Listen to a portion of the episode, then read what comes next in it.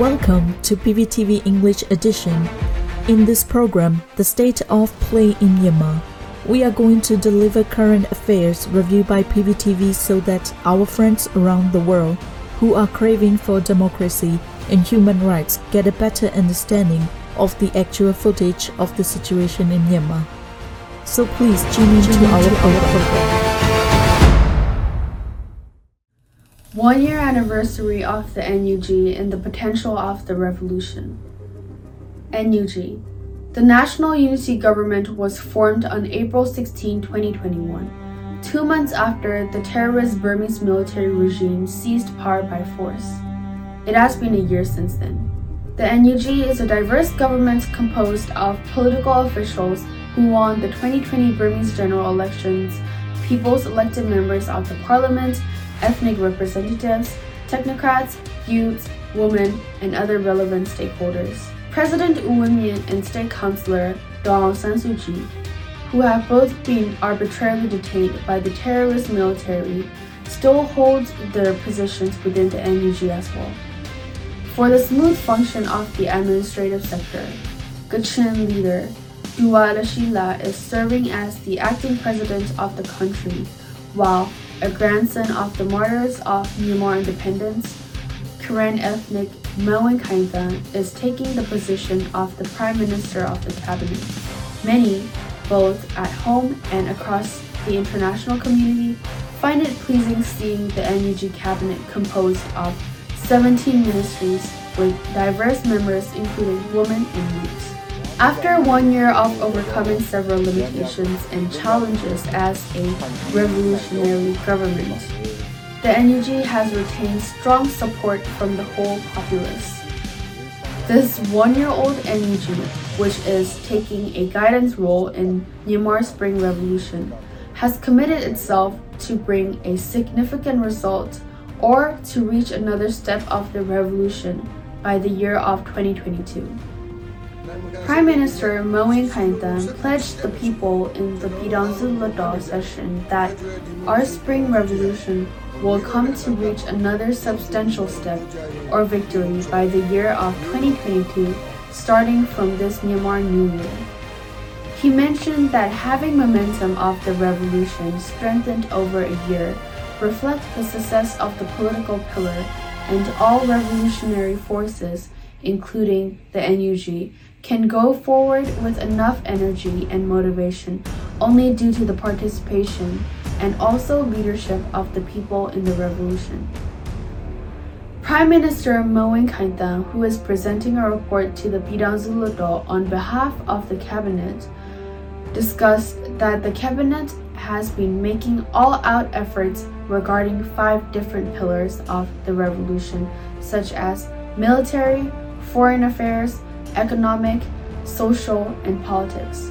There are collaborations and cooperations among the newly formed PDFs and the ethnic revolutionary organizations that have been demanding equality, federalism, and fighting against the dictatorship and chauvinism over many years. The areas controlled by all revolutionary forces come to reach approximately 45% of the country. However, Unlike the military that has been spending the state budget, revenues of the people disproportionately over many years, the local defense forces, LDFs, including PDFs, have been facing shortage of arms and other challenges.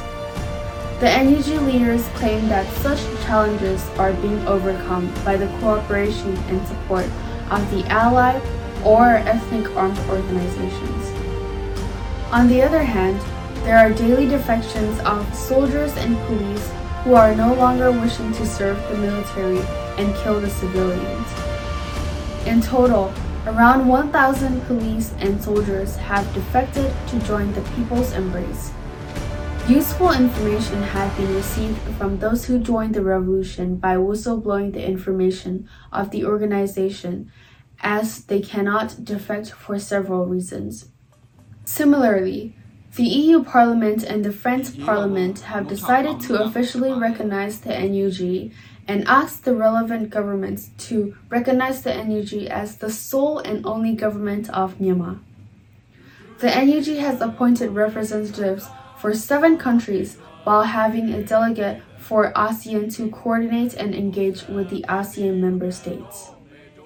At the same time, NUG has been engaging with both local and international organizations to hold the military accountable for the genocides and war crimes by the international prosecution and actions. Also looking into the economic sectors, the NUG had blocked all revenue channels of the terrorist military.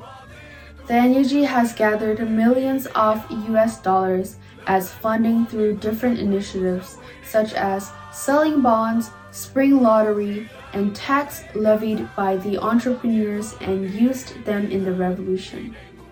Recently, the NUG has launched a fundraising initiative for the revolution in which houses and other properties unlawfully confiscated by the military leaders, including Myanmar, are auctioned off. However, it is of great importance to have enough funding and be equipped with arms to go further into the revolutionary journey. The NUG Defense Minister mentioned that the NUG intends to work on expanding controlled areas by increasing revolutionary momentum in the coming pe- periods. A final victory will soon come when the required or enough funding are emerged by the determination of the people, efforts made by the civilian governments, and solidarity and readiness of different actors or forces who set values on democracy and human rights.